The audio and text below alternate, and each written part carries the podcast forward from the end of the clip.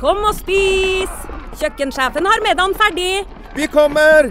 Vi skal bare Åh, det er da så morsomt her på Stiklestad! Ja, men sjøl en god viking må ha både mat og hvile. Og dessuten kan dere nå være noen dager. Velkommen til Scandic Stiklestad. Moderne fasiliteter i historiske omgivelser. Det var her det skjedde. Det er her det skjer.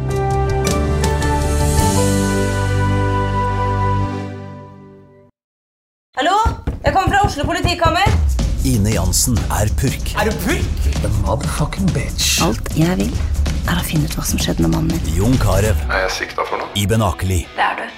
Ole So, Lars Berrum og Big Daddy Karsten. Hvem sin side er du på, egentlig? Anette Hoff, Tone Danielsen, Kommer du fra Afrika? Jørnis Josef, Nesten. Kløfta. Trond Espen Seim, Det er synd å si det, men det var feil mann som døde. Purk. Premiere tirsdag på TV2 Play.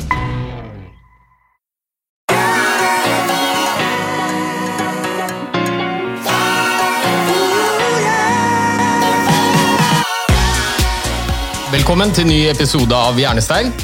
Sitter her med Mats Kaggestad og senior Johan Kaggestad. Johan, du er jo for veldig mange kjent som suksesstreneren til Grete Waitz. Ingrid Kristiansen. Grete som har vunnet New York Marathon syv ganger. Ni. Ni, unnskyld, ni, ni ganger. Så vant Ingrid én gang. Så vant Ingrid én gang. Og Ingrid Kristiansen, eneste kvinne noensinne som har holdt verdensrekorden på 5000, 10 000 og maraton. Og faktisk halvmaraton Halvmaraton også. Ja, samtidig. samtidig. Ja. Så det er jo helt unikt. Men samtidig som du trente to av verdens aller beste utholdenhetsidrettsutøvere, så trente du også pasienter på Modum Bad. Ja, Det er den eh, utøvergruppa jeg har trent mest. Ikke sant? Det er psykiatriske pasienter. Kan du si noe om hvordan var det å trene to så diametralt motsatte grupper? Noen likheter og forskjeller mellom treningen? Jeg brukte de samme prinsippene, bare parallelt for skjødet, hvis du kan si det så enkelt. At eh, jeg, jeg vet at eh, det er viktig å bygge en base. Det er viktig å bygge en eh, allsidighet gjennom god bevegelse, god styrke. Og så vet jeg det at så er min filosofi det at har du trent hardt en dag, så skal du trene rolig neste dag eller dagen etter der igjen også. Så jeg brukte de samme prinsippene. eh, men eh, Og jeg har også vært opptatt når jeg har trent eh, toppidrettsutøvere, at det skal være litt lekbetont. Derfor brukte jeg f.eks. lite banetrening, for jeg, tror du blir ganske gæren i huet av å løpe rundt i ring. Eller ellipse, eller hva det er. Så, så jeg er opptatt av denne variasjonen. Og derfor var heller ingen treningsøkt Jeg hadde som mål at ingen treningsøkt skulle være lik en annen. Ja, for nå snakker du om toppidrettsutøverne. Ja, vi snakker også om pasientene på Modeball. Hva med å gjøre å altså De visste ikke hva det gikk til. Jeg visste hva de skulle gjennomføre, så noenlunde visste jeg det. Men, men for mye er improvisasjon underveis også. Men det var dette at ha leken, variere intensiteten, og ikke være så veldig opptatt av, eh, av eh, systematikken i selve, selve treningen. Jeg brukte jeg brukte pulsmålere faktisk mer på psykiatriske pasienter på Modum enn jeg brukte på topputøvere. For Jeg er opptatt av at eh, topputøvere de bør kunne lære seg hvilken intensitet de skal trene på. Ehm, og der har jeg en så enkel filosofi at, eh, at det er to intensiteter. Det ene er pratefart, og det andre er ikke-pratefart. Og hvis du er eh, i pratefart, så trener du godt innenfor aerob eh, eh, intensitet. Solid restitusjonstrening, solid basiskondisjonstrening. kondisjonstrening. Og når du ikke kan prate, så er du i anaerob sone. Da er du i det vi kaller intensitet 3 og 4. Eh, Jeg brukte på pasientene på Modum, for de, jo, de trodde veldig mange som begynner å trene, som har liten erfaring, de tror at de må trene seg veldig hardt for å få eh, effekt. Og jeg lærte av En av de trenerne lærte seg, var en amerikaner som het Bill Bowman. Han trente, var trener på University of Oregon, som hadde de beste løperne i USA. Han sa det, det er bedre å være litt undertrent enn litt overtrent. Og eh, Så du følte at når du var ferdig med økta, så kunne du gjort litt til. Eh, Det å krabbe over dørstokken når du er ferdig, det var ikke noe mål i seg selv. Så, men det var viktig å bruke på moden brukte jeg pulsmålere rett og slett for at de skulle lære at det var ikke så mye som skulle til før det ga god treningseffekt. Og det gjorde at folk ble tryggere når de trente. Rett og slett. Men, men på monoball var det en del som kom som var i ganske dårlig fysisk Ja, det var mange som var Det var som eh, Norge i et miniatyr. Eh, Folk generelt er jo ganske dårlig form. Og de hadde vi jevnt fordelt i Modum. Og det var, eh, men derfor er det, var det avgjørende å lære, lære de også dette at det er ikke så himla mye som skal til før du har god treningsvekt. Og det så du jo på pulsmåleren. Eh, Det var en del menn som var redd for at hjertet skulle sprenges. De trodde at hjertet var en glasskule. Eh, Det var å skape trygghet rundt det òg, at eh, det var ikke farlig å trene hvis du trente innenfor en viss intensitet. Ja, det, det tror jeg er utrolig viktig, eh, spesielt de pasientene som sliter med angst. Og det er det jo en del som gjør på Modum også. Ja, i aller høyeste grad. Og mye av det de opplever når de begynner å trene, det er jo akkurat det samme som de opplever under et angstanfall. Sant? Pusten går fortere, hjertet begynner å slå fortere. Hyperventilere. Hyperventilerer. og Da tror jeg at det er utrolig viktig å ha god støtte, og noen som forsikrer om at ok, nå slår hjertet ditt fortere. Det er ikke farlig, dette er en del av treningen. Dette har ikke noe med angst å gjøre i det hele tatt. Sånn at de skjønner at dette er ikke et angstanfall, ufarliggjør det. Dette er kroppens helt naturlige respons på Og så er det noe med også, skape en forståelse for at eh, hjertet er en muskel. Og så sier jeg da at eh, Har dere vært på Balestrand noen gang? Og det har de fleste vært. Og har dere sett hva som, Hvordan ser en utrent person ut på badestranden? Sier de jo ofte litt sånn slapp og litt feit og hengepupper og slappe bicepser og pløsende lår. Og så sier jeg ja, Det er jo fordi musklene ikke er stimulert gjennom trening at det blir sånn. sier jeg. Ja, det, det skjønner de. Men hva med hjertet, sier jeg. Det er ikke så lett å få øye på dette hjertet. Eh, hva tror du skjer med et hjerte som ikke er eh, trent, da? Og så begynner de å tenke det er vel det samme som skjer der, at det blir slapt og fungerer dårlig. Hjertet er jo kanskje den viktigste muskelen vi har, da, så det er kanskje lurt å trene den fornuftig. Det slår meg, det, det tar, går aldri feil, altså. Når folk begynner å tenke sånn, så blir de litt mer motivert for å stimulere denne hjertemuskelen. Men det er jo ikke så rart at mange tenker sånn. Du skal ikke mer enn 10-15 år tilbake i tid. Øh, Mennesker som hadde gjennomgått et hjerteinfarkt, ble skrevet ut fra sykehuset, fikk jo beskjed om at nå må du være forsiktig. Du må ikke anstrenge deg for mye. Eh, Og så vet vi jo i dag at det aller beste og noe av det mest nødvendige du kan gjøre for å beskytte din egen helse mot nye hjerteinfarkter, hvis du har hatt det, det er jo å trene. Og det er ikke farlig å trene. Og det er mange som er veldig bekymra, og, og kanskje spesielt den gruppen du snakker om, de som har har mentale lidelser, angst, depresjon, de trenger å trygges, og de må følges opp tett. Og Det tror jeg er noe av suksessfaktoren ved Modum Bad også. at De blir ikke bare bedt om å trene, altså de følges opp. Ja, og de skal trene, eh, for å si det, si det rett ut. Og så er det jo det med, som du nevnte, med mange har angst, og de er redd for å bevege seg langt unna eh, stedet de bor, eller stedet de er. Og da sier jeg det er bedre å trene enn ikke å trene, så da får vi trene rundt huset, da. Men, Det går jo an, det. Ja, visst går det. men det er litt interessant, eh, nå snakker vi ikke sant, Fattern, du er tidligere topptrener. Du har vært på treningene med min far selv. Du ble norgesmester i maraton, Ole Petter. Ja, men jeg ble kalt en mosjonist av din far. Ja, han er jo ganske fælt å utfordre folk. Mosjonisttider, sa han. Det skal litt til å, å imponere min far, jeg vet det. Men, men Ole Petter, du har jo hatt dine treningsgrupper. Eh, trent av folk som i utgangspunktet er veldig dårlig form, som har sykdom, lidelser, og, og fått de til å forstå sammenhenger og helhet i forhold til sin egen helse. Og bruke eh, mosjon som en del av det. Men, eh, og, og jeg driver av og følger opp masse folk, jeg også, eh, gjennom å skape miljøer på arbeidsplassen. Men jeg tenker på dette med, med, med motivasjon eh, og dette her. Er, det, er, man, er, de, de menneskene i en sånn situasjon vi snakker om her, pasient på Modum Bad I forrige podkast du var med på, så snakket vi om Frisklivssentralen. At, at eh, folk på, som hadde lidelser og sykdom, fikk henvisning av lege, eller en resept fra en lege til å dra og få trening. Og møte opp, få oppfølging. Ole Petter, du har, har satt dine ting i system, med disse treningsgruppene på Åsgårdstrand, eh, hvor dere har fulgt opp, og til og med sendt tekstmelding og sånne ting. er, er de helt avhengig av at det starter på den måten. Gjennom treningsgrupper, gjennom å sette ting i system for å motivere de å bevisstgjøre. For det, det kommer jo ikke av seg sjøl. Det er helt avgjørende. Nei, men Stopp der. For det, jeg tror bevisstgjøring er avgjørende. Men så er det, så er det noe med eh, Jeg har alltid, spør alltid folk hvordan ønsker du å se deg selv om et år eller to. Eh, Er det annerledes enn i dag, så må du faktisk gjøre noen endringer. Og da er det neste spørsmålet hvilke endringer er det mulig å få til? da? Eh, Som du kan gjøre alene, eller eventuelt sammen med familien, eller eh, sammen med andre. Hva er de to viktigste tingene du kan endre på for å øke sannsynligheten for at du f.eks.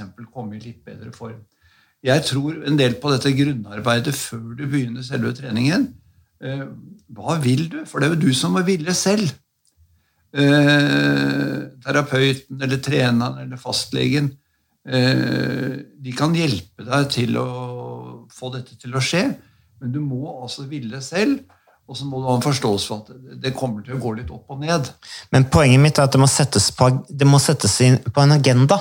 Det er det som er poenget mitt. Altså, eh, hvis, hvis det, ikke, altså, det er veldig få eh, eksempler Det er jo selvfølgelig sikkert noen, men de, det er veldig få eksempler på folk som har en lidelse, enten det er fysisk eller psykisk, som faktisk tar tak i dette sjøl uten at enten en, en eller annen lege eh, henviser et eller annet sted hvor de kan få hjelp, eller hvor man havner på eh, la oss Et eksempel er Modum Bad, som er en institusjon hvor det er en del av behandlingstilbudet. Hvis ikke, så, så, så skjer det jo ingenting. Men hva gjør du med pasientene dine? Nei, altså, vi, vi vet jo det veldig godt fra spørreundersøkelser. Vi har gjort en ganske stor studie i um, primærhelsetjenesten, fastleger, spurt pasienter har du lyst til å bli mer fysisk aktiv. Og da er det jo sånn at 80-90 sier jo ja. Og det er jo igjen et kjempeparadoks. 75% av befolkningen er inaktive. Til tross for at vi vet i dag mer enn vi noensinne har visst om hvor viktig det er for helsa vår å være i aktivitet. Så jeg, som du vet, så pleier jeg å si at Hadde fysisk aktivitet vært en pille, så ville jo alle tatt den. Men det er ikke noe pille, du må gjøre noe selv. Så, Ja. Men nesten alle vil bli mer fysisk aktive, men de trenger hjelp. Ja, de må ha en eller annen form for coaching, da, for å bruke et moderne uttrykk. Eller oppfølging. Eller for å få noen som setter det i gang. De, Når tilstanden er sånn som den er i, i samfunnet da, med så mange inaktive som du refererer til her, Ole Petter. Ja, da, og du vet at eh, Jeg kunne sitte med en pasient som sier ja, jeg har lyst til å bli mer fysisk aktiv. Så sier jeg ok, men det er jo ikke noe sak. Det er jo bare å gå ut og gå deg en tur da, tre ganger i uka. Halvtime hver gang, så du blir litt svett og andpusten. Vi ses om en måned. Sannsynligheten for at de har fått det til, er ganske lav. De har sikkert ønsket å bli mer fysisk aktive lenge, men ikke klart det. Ikke? Og Det er jo denne dørstokkmila. Og er det én pasientgruppe som kjennetegnes, kjennetegnes ved at de kanskje har en enda lengre dørstokkmil enn andre, så er det jo de som lider av mentale sykdommer angst og depresjon. For dem så kan jo bare det å komme seg ut til postkassen være et ork. ikke sant? Så det er jo en gruppe som trenger ta- ekstra oppfølging. La oss ta et eksempel. Eh, Jeg har hørt deg holde foredrag. Og så snakker du om denne berømte hypokampusen hos Mm. folk som er Du kan fortelle hva det er, forresten. Ja, Hippocampus er jo et område i, eh, i hjernen som er veldig viktig for hukommelse, læring, stedsans. Og så viser det seg da at fysisk aktivitet gjør at vi lager nye nerveceller i hippocampus, som er en av de viktigste grunnene til at dette med bevegelse er viktig for hukommelse, læring, oppmerksomhet. Ja. Det er jo helt fantastisk. Ja, Ja, vent meg litt. Eh, Og så er jo den realitet at f.eks. demens Ja. det er i ferd med å bli en folkesykdom. Over 100 000 nordmenn som har demens. Ja, nettopp. Og da er det jo Det er ikke sikkert det kan kureres, men du kan utsette eh, graden av sykdom. Eh, Bremse det. Bremse det. Og F.eks. ved fysisk aktivitet. For det gjør noe med det med hypocampusen, som du sier. Ja. Eh, Det det er jo lurt å trene, men, men eh, hvor mange av demenspasientene våre er det som trener regelmessig? Neppe veldig mange. Det er ikke så veldig mange. Eh, og, og det er jo ikke bare det at du kan bremse sykdomsforløpet hvis du har fått demens, men vi vet jo at det å være regelmessig fysisk aktivitet, det er kanskje det aller viktigste du kan gjøre for å forebygge. Det er jo studier som viser at regelmessig fysisk aktivitet kan nesten halvere risikoen din for å bli dement i løpet av et livsløp. Det er veldig fantastisk. Da ville jeg begynt å trene. jeg. underkommunisert. Ja.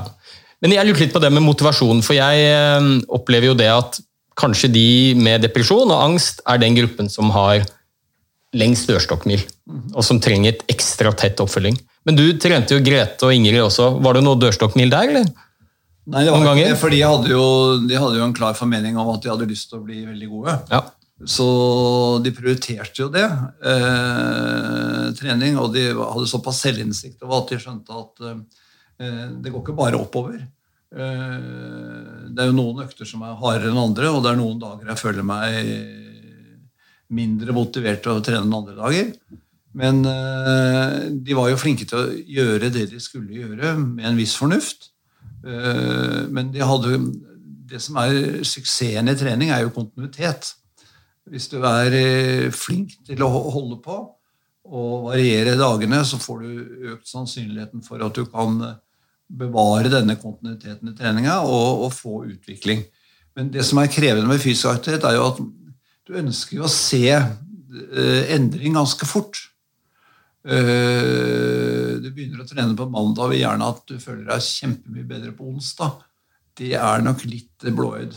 Eh, så den forståelsen at dette tar litt tid å bygge opp, og det tar også du møter også en periode hvor du føler at du ikke har noe fremgang. Og det er jo fordi det, eh, du kommer i et flatt trappetrinn hvor du må fordøye det du har gjort, fysisk og mentalt, før du kan heve deg opp igjen på et nytt nivå. Og så er det, tror jeg, forståelsen av at det er om å gjøre å trene hardest mulig hver gang. Eh, Jeg møter jo folk som sier at jeg, jeg får jo ikke så stor fremgang. Hvordan trener du da? La oss sette oss ned og se hvordan du trener. Og så prøver du å sette rekord på distansen sin stort sett hver eneste dag, og da etter hvert så stagnerer du og blir sliten. Mentalt trøtt av hele greia. Men tilbake til det, jeg, jeg trente pasienter på samme måte som jeg trente topputøvere, men par, parallelt for sjø, og var veldig opptatt av også oppfølgingen, altså den personlige oppfølgingen, samtalen, oppmuntring. Oppmuntring er usedvanlig viktig. Eh, Det, det kan ikke det kan ikke undervurderes i det hele tatt. Altså. Men da snakker du om oppmuntring på økta hvor du er til stede, de fellestreningene, eller snakker du om mellom fellestreningene? Ja, Både mellom og når jeg er til stede. Fordi at Én ting er jo toppidrettsutøverne dine. De, der, der husker jeg godt at du hadde jo kontakt med de til alle døgns tider, egentlig. eh, På telefon. Litt for mye, ja. Ja, og Mutter'n kunne jo bli, ikke sant, synes at noen ganger ble litt for mye kontakt med utøverne, som ringte til alle døgns tider for å si at de hadde vondt i en eller annen tå eller vondt i en eller annen hals. Ja, Det var jo utfordrende, men, men, men på Modum Bad, på en institusjon Hvis du har jo bare én hals, da. Ja, heldigvis. Men på en psykiatrisk institusjon så var det Det, det var ikke satt det var jo ikke du som hadde all oppfølgingen der da, av pasientene jo, mellom øktene, eller var det andre, andre behandlere som også bidro? Unnskyld, men personalet var jo med på øktene. Mm. Og vi hadde en samtale eh, hvor vi, vi kunne være enige om at nå følger du opp den personen der litt ekstra på treninga i dag. Og passe på å gi god veiledning og passe på å bremse vedkommende eller eh, få litt fart på vedkommende. Eh, og ikke minst eh, kommunisere med vedkommende. Det, det var ganske vesentlig. Så vi fordelte jo disse jobbene. Jeg hadde vel med meg, La oss si jeg hadde en treningsgruppe på 20 stykker, f.eks. Så var vi nok fire eller fem personale i den gruppa. Men vet du om hvordan det har gått med disse pasientene, som da har vært på Modum Bad, og så har de blitt fulgt opp helhetlig? Vi vet nok for lite om det, men øh, fordi det gjøres for lite systematiske undersøkelser i, om hva som har skjedd. Men jeg hadde jo kontakt med, jeg har fremdeles kontakt med mange jeg trente. Ja. Og mange har jo hatt kjempeutbytte og bruker det i sitt daglige virke for å få en bedre hverdag. Det er ikke noe tvil om. For det tror jeg er litt av utfordringen her, da, at du har et opplegg i spesialisthelsetjenesten som er helt fantastisk. Og som funker, virker for pasientene. Og så blir de skrevet ut, for de er jo ikke på Modum eh, til evig tid. Nei, tre måneder. Tre måneder, hva gjør du da? Og da opplever jeg at det er et utrolig fragmentert system. Det er mange aktører i helsevesenet som er gode på fysisk aktivitet. Vi har frisklivssentraler, vi har fysioterapeuter og mange andre grupper også. Men det er jo ingen samhandling. Det er ikke noe oppfølgingsrutine for disse pasientene. Og jeg tror det at hvis du går fra å være inaktiv, og så skal du prøve å få fysisk aktivitet som en del av rutinene dine i hverdagen, så må det bli en vane, og da må du holde på en stund. Og Det er ikke sikkert du rekker det på Modum Bad, men du må følges opp når du blir skrevet. Ja, det kan jo settes i gang, da. Ja, altså det er jo det er jo dette med kontinuiteten som er viktig. Jeg har jo også i min mest travle periode strevet med å få trent. Og så tenkte jeg hvordan skal jeg få gjort dette? Eh, og da Ukas annonsør det er eh, HelloFresh. Og eh, hvis du nå går inn på hellofresh.no og bruker koden 'fresh hjerne', så kan du få opptil 1779 kroner rabatt på da de fem første matkassene dine hvis du ikke har prøvd HelloFresh enda.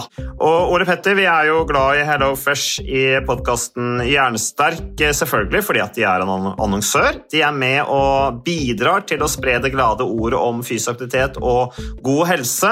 Men i tillegg så har jo vi også nå lang erfaring med HelloFresh Fresh selv. Så vi må jo si at det har vært gode erfaringer til nå.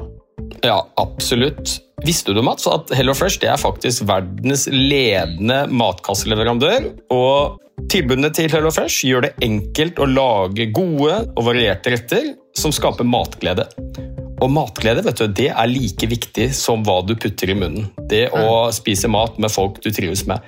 Så gjennom 25 nye og inspirerende retter hver uke så bidrar HelloFresh til dette. Du kan bestille ekstra porsjoner om du får gjester, eller hoppe over uke hvis du f.eks. skal bort. Og Det er ingen bindingstid, og du velger leveringstidspunkt og dag selv, så leverer HelloFresh matkassen din akkurat når det passer deg. Ikke dårlig, Mats.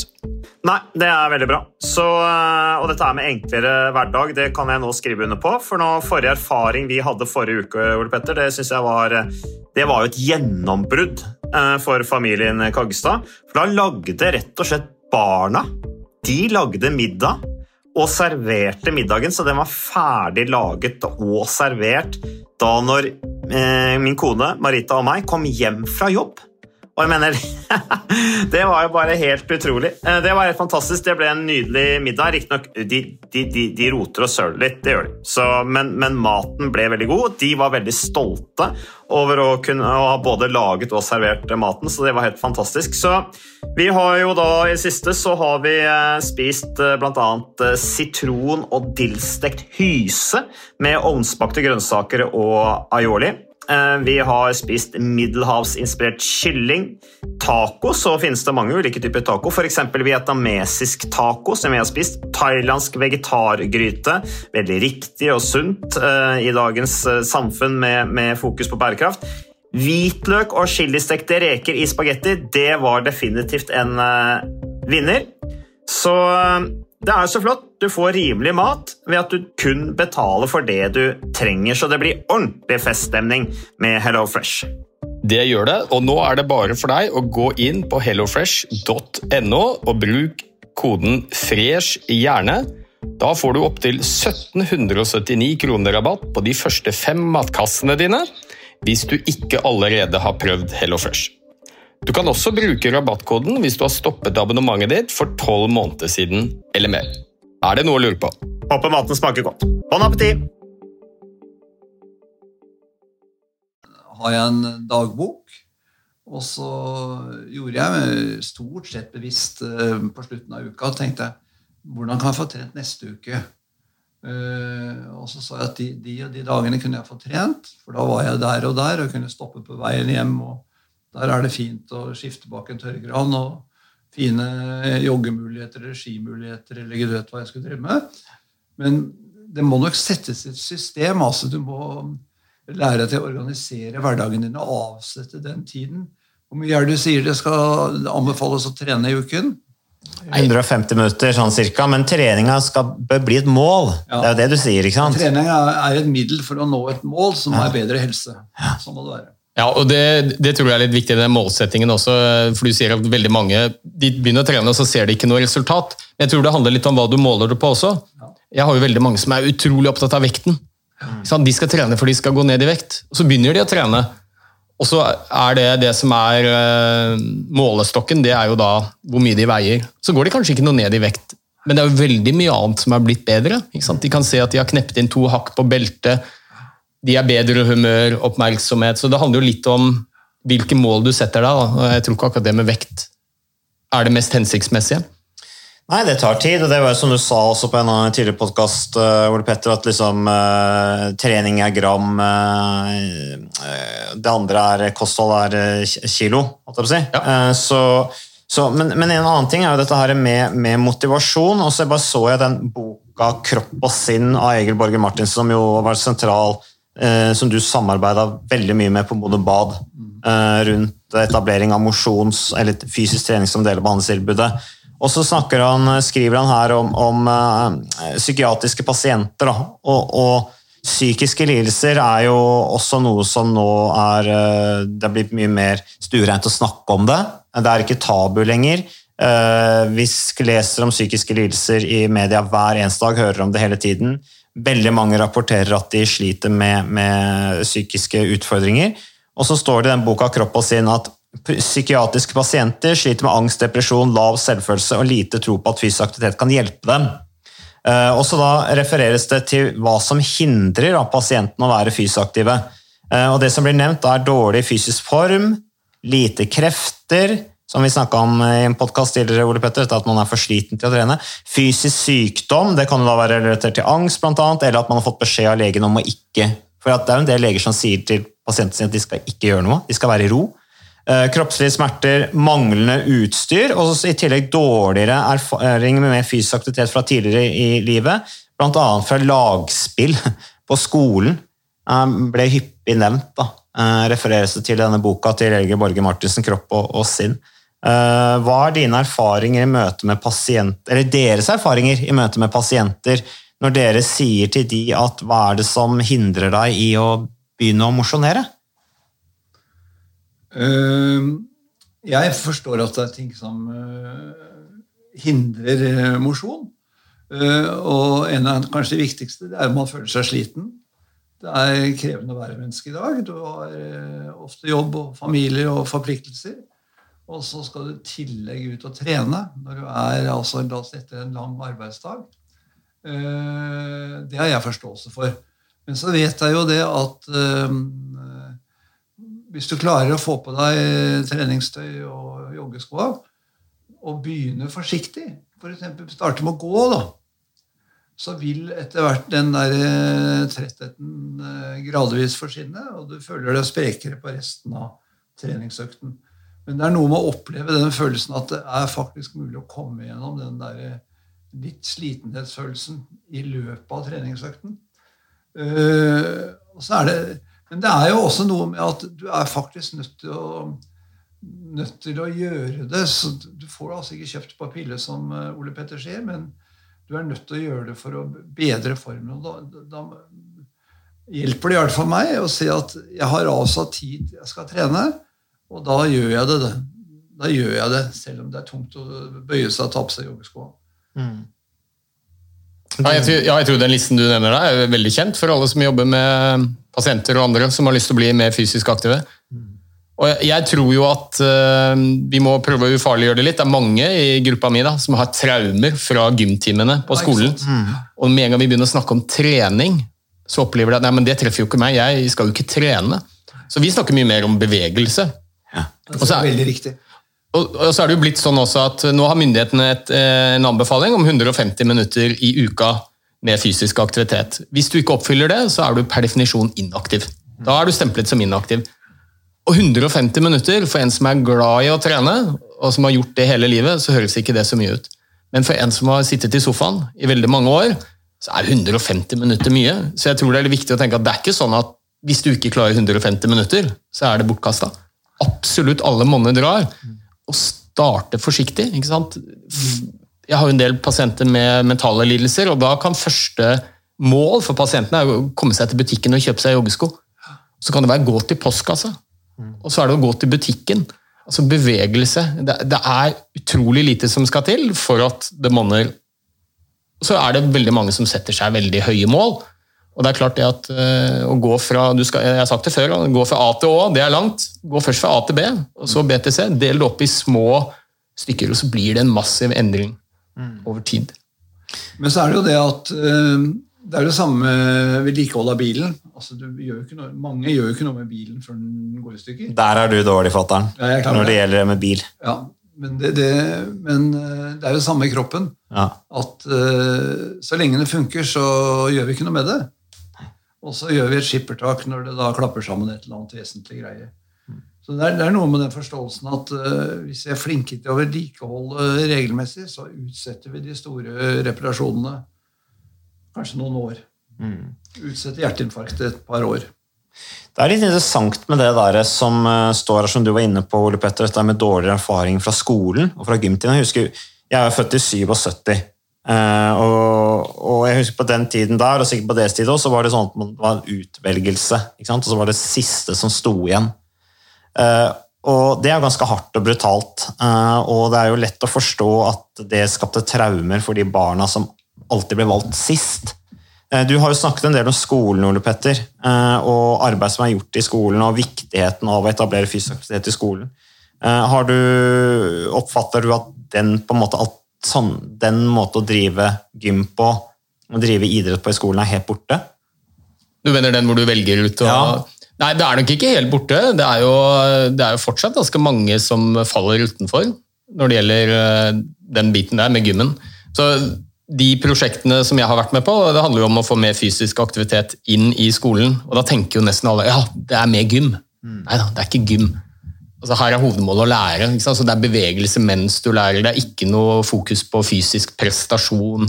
Du har vanlig tøy på deg. Det er ikke noe utveggelse i, i lag eller noe sånt.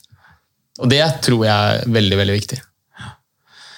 Det er, eh, det er eh, men, men det du snakker om, fatter'n, med, med, med å trene forskjellige utøvere Det, jo, det høres ut som det er veldig mye av det samme. Du, du, jeg husker jo jeg var med deg til Modum Bad når jeg var liten og hang i beina på deg. Jeg hadde fri fra barnehagen eller skolen, eller annet, så jobba du, så måtte du være med. Være med ned til Modum Bad, og så hadde du treningsøkter der med pasientene.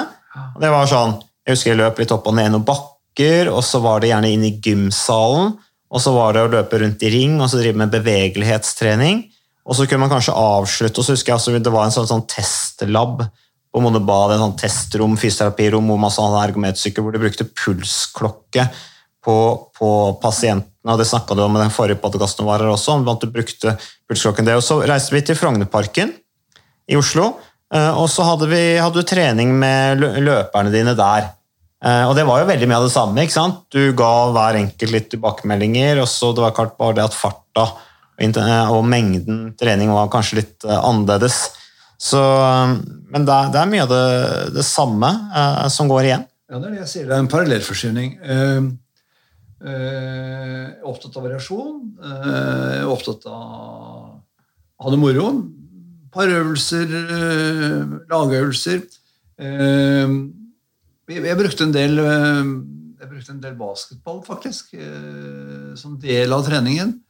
Eh, det funka først når jeg Jeg hadde jo både kvinner og menn eh, i samme gruppe eh, på Modum Ball. Men når jeg delte det inn i Hvis det var kvinner og menn på samme lag, så var det mennene som dominerte, og jentene begynte å stå langs veggen. og, og De fikk aldri ballen. Nei. Men når jeg, når jeg delte inn med jenter mot kvinner mot menn, da var det liv i leiren. Altså. Å ja. Da gikk jentene til så det sang. Og det, det, det knirka og spraka i skjelettet til disse mennene som ble takla. For da, da var de trygge. Da, da ble det ikke overkjørt i lagspillet. Så det var noen sånne små triks. Men først og fremst så er det gode tilbakemeldinger. Det er variasjon, og så er det å prøve å få folk til å ha kontinuitet i det. og Derfor var det obligatorisk det å møte frem på trening. Du skulle være jævlig dårlig hvis du ikke var på trening. altså. Men på Modum ball er det obligatorisk, er det ikke det? da? Jo, det er det. Å følge treningsøktene? Ja, så er det jo da øh, helt avgjørende at det obligatoriske er obligatorisk, og ikke obligatorisk når det passer. For det er jo så synd på vedkommende, men så viser det seg at vedkommende fungerer aldeles strålende. Ikke minst hvis medpasientene eh, hjelper vedkommende ut. Og så er jeg opptatt av dette at eh, For det var jo mange, mange som røyka. øh, og det var ikke så uvanlig at de tok en røyk før treninga begynte. For da var nervene litt på høykant. Eh, og så fortalte jeg det gjerne hva som skjer med blodårer og sånn når du røyker. De trekker seg litt sammen og så videre. Men som jeg sa at eh, Jeg var ikke så opptatt av at om du røyka eller ikke, eksempel, å få de avvent med røykinga. Jeg sa det er mye bedre at dere trener. At det blir en vane å trene, så får vi ta det med røyken etterpå. Og det viste seg at det var ganske, ganske klassisk det at etter hvert som folk kom i litt bedre form, så begynte de å redusere på nik- nikotinen. Det slo meg. Altså, de, de valgte det sjøl. Men treninga først. Vi skulle møte frem på trening, må de gjerne røyke 20 før de begynte. Bare de var med på treninga. Ja, det tror jeg er veldig smart. Eh, Vanskelig å endre livsstil. Å endre én livsstilsvane, gå fra å være inaktiv til å være aktiv, kan være utfordrende nok om du ikke plutselig skal kutte ut røyken, slutte å drikke, sove mer, endre kosthold. Én ting av gangen. Og jeg har også opplevd det samme som du sier. Når vi har fokus på én ting, mer bevegelse i hverdagen, så avler det gjerne gode livsstilsvaner automatisk. For mange ser ved det, nå er jo jeg blitt i akt, fysisk aktiv, da passer det seg jo ikke å røyke lenger. Så kutter de ned på røykinga. Begynner å spise sunnere. Mm, ja, Det sier jeg til folk. Og du, du kan, jo mer du røyker og drikker, jo bedre er det at du mosjonerer, sier jeg. Ja, ja. Ja, ikke sant? Da, da, har, da det enda bedre effekt. Men Ole Petter, eh, det var litt interessant det derre eh, Jeg bare tenker på det, trenerrollen, toppidrettstrenerrollen. Eh, Og så snakker fattern om det der, eh, det obligatoriske ved å komme på trening, selv om du har en dårlig dag. Og der tenker jeg, Det har vi snakka mye om, Ole Petter, det er hva som skjer når du er i bevegelse. At plutselig så løsner det. Både den fysiske aktiviteten løsner mentalt. Har, har du også opplevd mange ganger at du har pasienter som kommer og liksom sier at de er litt usikre på om de skal være med, fordi at de har litt vondt her og der, eller de har en dårlig dag? Eh, hva sier du til de da? Eh, Om jeg opplevde det? Ja, absolutt. Og um, Nei, altså, Vi hadde jo et sånn opplegg hvor vi, vi visste jo veldig godt i denne mosjonsgruppa vår at dørstokkmila var ganske lang for mange. og Vi hadde ikke noe obligatorisk oppmøte, men pasientene visste veldig godt når og hvor treninga var. Eh, Og det vi gjorde da, istedenfor å si at det var obligatorisk, det var at vi brukte noe som het nudging. Som betyr bare sånn positiv dytt i riktig retning. Så vi sendte disse meldingene, SMS-ene, kvelden før. Kjære Hilde, gleder deg til å se deg på mosjonsgruppa i morgen. Og bare det gjorde jo at mange som egentlig hadde tenkt å skulke, fordi de var slitne eller var tidlig på morgenen, de møtte allikevel. De følte at det var litt mer forpliktende. Så det, det var det ene vi gjorde, og så hadde vi et veldig sterkt fokus på at det skulle være en sosial arena. Altså Selv om du kanskje ikke følte deg i veldig form til å gå og trene, så møte opp uansett, og så bare tusler du rolig, og så er du sosial. Men det som skjedde da, og når de først kom dit, så trente de jo. Ikke sant? Det, er- det, det, det med å møte frem er altså alfa og omega. 90% av jobben er gjort bare du møter opp. Det, det er, er min erfaring òg. Altså. Men, men, men på Monobad så er det jo såpass obligatorisk at der er det på en måte du kan Ikke noe som heter såpass Nei. obligatorisk. Enten er det Ja, obligatorisk ja er eller, men liksom, der er det jo lagt, der er det på en måte satt i system på den måten at du skal møte opp. Ja. Eh, men det kan jo da være allikevel at Jeg syns jeg bare sånn husker i bakhodet mitt at det var pasienter som ble stående igjen, og som trengte litt Ja, Måtte der- ha en liten samtale før de gikk videre, da. var jo jeg heldig hadde med meg personale, så kunne jeg avsette en eller to personale til å ta seg av de en eller to som var litt eh, på hæla den dagen. Det er ikke verre enn det. Men de trenger litt ekstra oppfølging. Bli sett, Og så er de gjerne bedre humør eh, når de er ferdig med treningen. For da har de klart å overvinne noe. Det som slår meg litt her, er jo liksom, dette med statusen til fysisk aktivitet som et eh, behandlingsopplegg. Fordi Hvis du sender en pasient til Modum Bad, og jeg har jo henvist en del dit, så er det jo helt innforstått med at en essensiell del av behandlingen er f.eks. samtaleterapi med en psykolog. Og det skjønner de selvfølgelig. Og så er det en del som bruker medikamenter, antidepressiva, snakker med en psykiater, det har de full forståelse for. Men så er de litt skeptiske til treningsbiten. Ja. Må Fordi- man være med på det òg, liksom? Nei, men det er mer det at det er undervurdert for de fleste, ikke bare fagpersoner, men de du kalte fysisk aktivitet en kuriositet. Men jeg har jo pasienter som liksom ja, rynker litt på nesa når jeg sier at ok, en viktig del av opplegget her nå, det er fysisk aktivitet. Så tenker de ja, men fysisk aktivitet, det er jo rekreasjon. Altså det, det virker altfor enkelt. Så fysisk aktivitet både hos fagpersoner, men også hos pasientene, mangler litt status. Det er mange som ikke har helt troen på det. Det virker altfor enkelt. ja, det er det jeg sier. Det er ikke akademisk nok. Nei, er det noen som ikke ennå. Nei, ikke ennå. Uh, og det er manglende forståelse for at det er en del av et helhetlig behandlingstilbud. Uh, kropp og sinn henger sammen. Det er det ingen tvil om. Og det er jo såpass enkelt at uh, For det så jeg på idrettsutøverne også.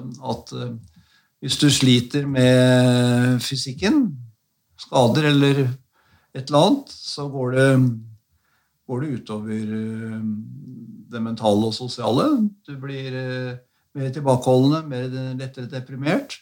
Og hvis du er deprimert så, og sliter sosialt, så blir det ofte eh, muskelspenninger og, og negativ fysisk funksjon. Så det, det, det, henger jo sammen. Det er hva som er høna og hva som er egget. Det lurer jeg på noen ganger. For å være helt ærlig. Ja, Det er et veldig godt poeng. Vi, har, vi snakket jo litt i en tidligere podcast om hva er det som skjer inni hjernen som gjør at fysisk aktivitet funker så godt. Både for å forebygge og behandle depresjon, og da snakket vi jo litt om det kjemiske som skjer, som gjør noe med stemningsleie, det vet vi. Og så skjer noe med vårt eget selvbilde og mestringstillit. Altså rett og slett det at du, du er ikke tilskuer i ditt eget liv, det er en pille som skal gjøre jobben for deg, men du er din egen terapeut og får ting til. Det hjelper veldig. Men så tror jeg veldig mange undervurderer det som skjer fysisk. Fordi vi vet jo, som jeg sa i sted, at eh, de som lider av depresjon, har veldig ofte mye andre kroppslige plager også. F.eks. muskel-skjelettlidelser og plager og vondter. Og når du begynner å bevege deg, så blir jo veldig mange av de plagene mye, mye bedre.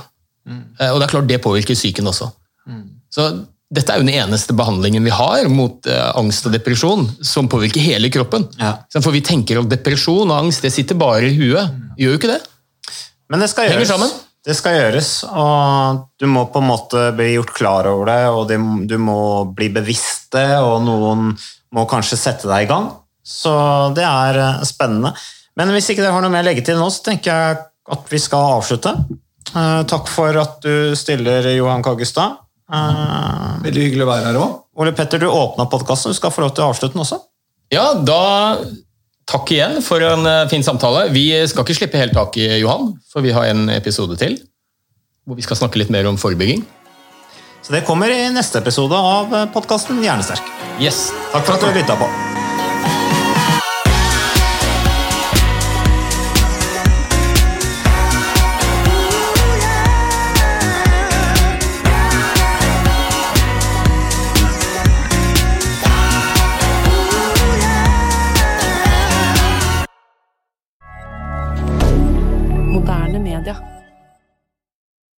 Har du et enkeltpersonforetak eller en liten bedrift?